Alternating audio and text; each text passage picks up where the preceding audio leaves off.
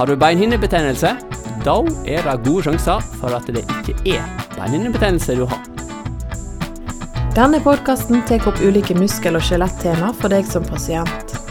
Den skal gi deg kortfatta og forskningsbasert informasjon med en liten tvist av våre terapeuter sine meninger om temaet. Velkommen til eh, Syrex-podden, Sindre. Ja, takk for det, Geir.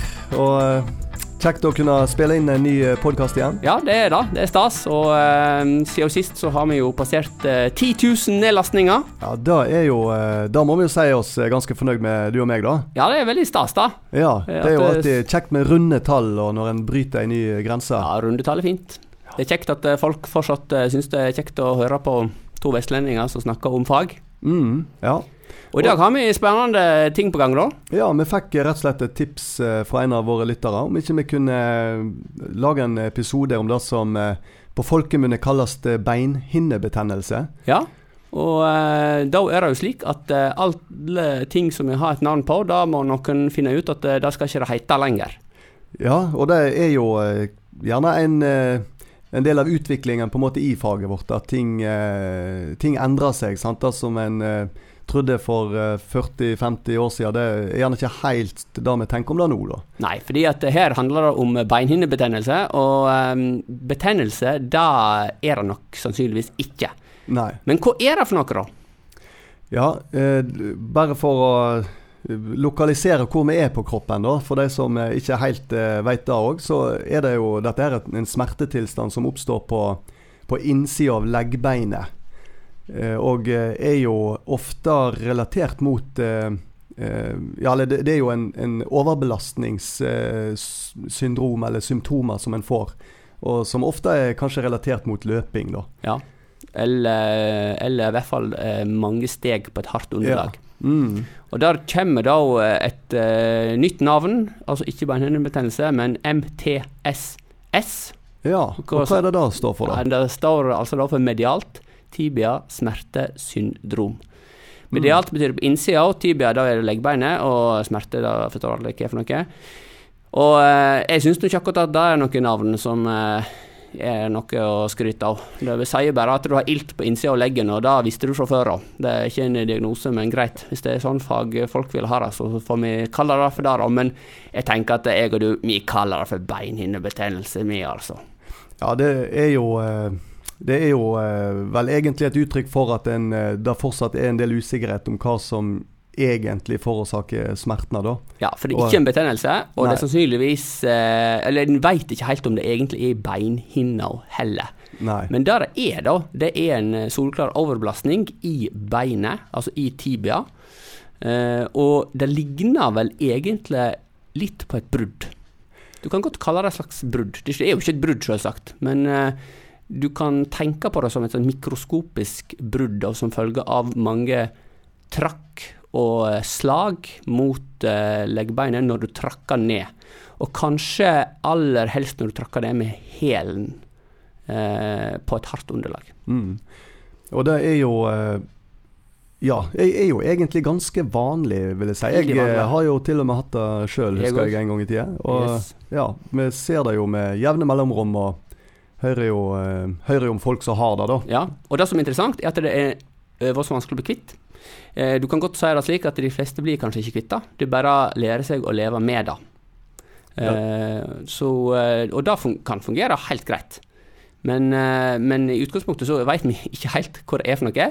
Det er voldsomt hyppig, og, og, og en blir på en måte ikke kvitt det. Så det er en sånn dårlig, dårlig kombinasjon. Ja, ja det er jo det. Og iallfall for folk som liker å være aktive, da. Eh, det var jo eh, for, for min egen del, da. Eh, jeg regner med du er interessert og å høre om det? Kjempeinteressert. Ja. Jeg får aldri nok. Nei, sant. La meg fortelle litt om meg. Jeg eh, husker jeg fikk det i forbindelse med fotballspilling da, på eh, kunstgras i litt sånn voksen alder. Og ja. eh, ja, og da, da eh, var det jo noe som kom typisk eh, Jeg spilte jo ikke fotball mer enn én en gang i uka, men eh, det kom litt sånn snikende på, sant. Og så blussa det opp hver gang jeg var på på eh, Ja, var og spilte fotball da, og så var det liksom ømt noen dager etterpå. Men det kom seg liksom litt til, til Mm. gangen etterpå. I hvert fall at du henta deg inn igjen. Så, men, men jeg ble egentlig aldri helt kvitt det før, eh, før jeg eh, av tilfeldige grunner det ikke ble mer fotballspilling, og da, da liksom gled det Da løste det seg Ja. litt av seg sjøl. Og det er jo som regel den nederste en tredjedel av, av leggen du kjenner da. Mm. Og studier viser at 14-20% av alle løpere har dette her, eller har hatt det. Ja, og det er jo en ganske høy eh, andel, da. Det er absolutt. Den en tredjedel nederste delen av eh, leggbeinet, det er òg tilfeldigvis akkurat det samme området som eh, en viktig muskel som heter tibialis posterior ligger. Sånn at eh, det kan være at en del av disse beinhinnebetennelsene er blanda sammen med en overbelastning i den, eh, den viktige muskelen som heter tibialis posterior. Eh, og at det egentlig da er en litt sånn sammensausing av ulike problemstillinger. Men det som er positivt, er at eh, behandlingen er relativt lik da, for de to tingene. Så det er ikke så viktig å skilje. Mm. Ja, og da tror jeg at òg eh, og et viktig poeng, da, for det, det er jo ikke alltid at en, selv om man har vondt på innsida, at det må være beinhinnebetennelse heller. Men at eh, det kan være litt overbelastning og eh, ja, smerte i den, den muskelen som du nevner der. da. Eh, og det kan jo være litt greit i hvert fall å være klar over som, som behandler òg når en skal gi, gi råd. da. Det som eh, kan være viktig å tenke på, det er at en rask endring av aktivitetsnivået det gir en viss fare for eh, denne skaden her. F.eks. hvis du begynner å spille voldsomt mye fotball på ei hard bane, gjerne kunstgress, eh, eller du begynner å springe voldsomt mye, eller du begynner med en ny type idrett og du overdriver voldsomt. Da er faren der for å få en sånn type skade, som med alle andre skader i kroppen, som vi har snakket om tidligere. nå. Mm.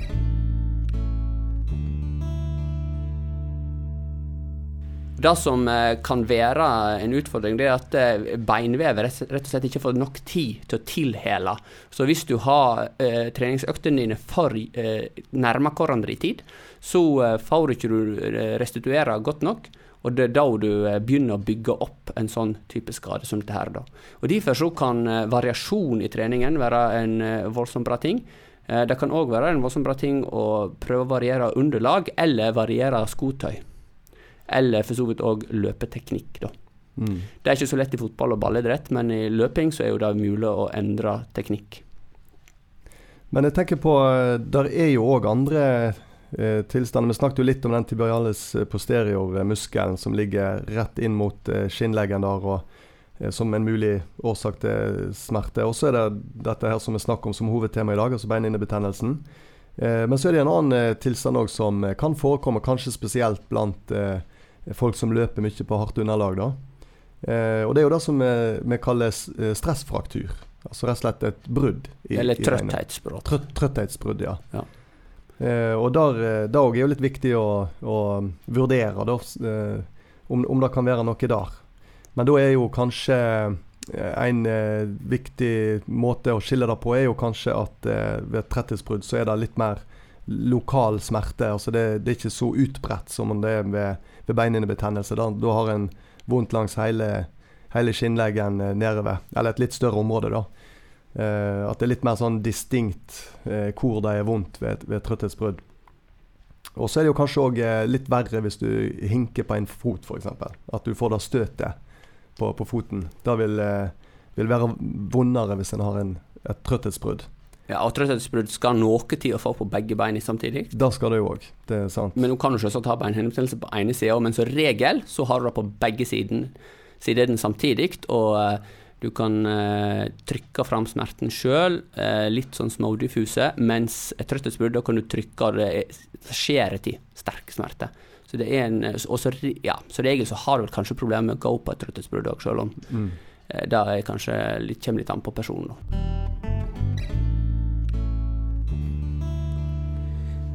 Behandling da, Sindre, min gode venn. Det noe, har du noe luretriks for behandling av eh, denne her tilstanden her? Ja, jeg tenker Det som er jo veldig viktig, er jo iallfall å eh, regulere belastningen. Sant? At eh, I og med at dette er en overbelastningsproblematikk, eh, så, så handler det jo om å, å redusere mengden og få litt mer eh, ro. Eh, og det, det er jo det samme som ved alle overbelastningsproblemstillinger i kroppen. da. Så det handler gjerne om å, å redusere f.eks. løpingen litt. da. Eh, og tenke på fottøy, som du sa. Jeg vet ikke om du nevnte det, men, eh, men eh, hvis en har en lav fotbu eller tenderer til å være litt plattfot, så er jo det en typisk sånn eh, disponerende faktor, som jeg sier. For, altså risikofaktor for å utvikle eh, disse symptomene. Eh, så det er jo litt viktig å, å være obs på. Eh, og ja, hvis, hvis det kommer inn folk her og, og søker råd og, og behandling for dette, så ville jeg jo tenkt òg at da å kanskje jobbe litt med fotbue, altså muskulatur i fotbuen og baksidelegg er viktig. Eh, og så har, eh, har vi òg hatt eh, suksess med, med bruk av trykkbølge og, og litt sånn eh, dry needling eller nålebehandling på, på innsida av eh, eh, le, Altså langs kanten av beinet der. Ja, for da viser forskning ikke har effekt. Ja, det stemmer. Og, eh, så jeg tror eh, Og det er jo kanskje òg noe en ikke gjør veldig mye av hvis, hvis det er, ikke ser ut til å virke. Sant? Men jeg tenker jo at det kan være verdt å, å gi det et forsøk, for det, det kan ofte hjelpe en del, altså. Ja, jeg er helt enig. Mm. Og eh, det som er med trykkbølger, det er at da, det du må huske på her, det er at et ganske stort område av leggen som er irritert. da. Eh, og hvis du da skal ha trykkbølge, så nytter ikke det å bare kjøre litt trykkbølge. Da må du kjøre trykkbølge langs hele den delen som er uh, skada, og da må du ha ganske mange slag, altså ganske store mengder, fordi det skal fordeles over et så stort område, så hver kvadratcentimeter får du ikke så store energimengder som ved f.eks. en senebetennelse. Så det er eh, viktig å tenke på. At eh, skal du ha trykkbølge, da må du ha mange slag. Og eh, personlig så vil jeg si minst 6000 slag. Mm. For det er ikke sikkert at kraften er så viktig. Mm. En annen ting er jo da at eh, undersøkelser viser at beintettheten akkurat der som du har beinhinnebetennelsen, den er mindre enn resten av beinvevet. Det kan bety at eh, tung styrketrening kan fungere, fordi det hjelper å bygge bein.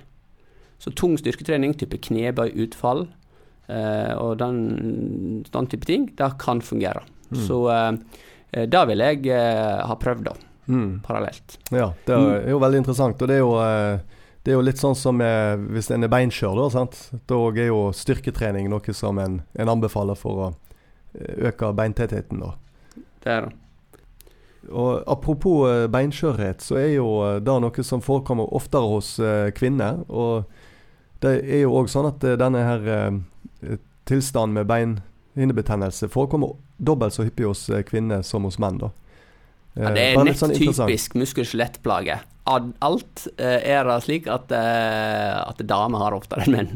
Nesten det meste. Ja, det, det er jo en del ting Det som de, eh, de har mer plager med enn oss, da. Men her kan det ha noe med fotstillingen å gjøre til damer, og, og vinklene i forhold til hoftene, når det er bredere hofte. fordi at eh, i hvert fall så er det helt sikkert at det er de som har en mer innsunken indre fotbue, altså en, en eh, pronasjon, eller det vi kaller for en plattfot, de har da lettere for å få beinhinnebetennelsesplager. Og det sier noe om eh, hvordan eh, kreftene går gjennom foten når du har en fotavvikling. Mm. Så der kan det jo hende, uten at jeg har noe data på det, at eh, det er bedre å springe på forfot enn det er å springe på hæl når du har beinhinnebetennelse. At du da eh, avlaster litt bedre. Det er én mulighet. En annen mulighet er jo at du kanskje springer med høyere dropp på eh, skoen din, som fører til at du er litt mer framoverlent. Og selvfølgelig demping, da.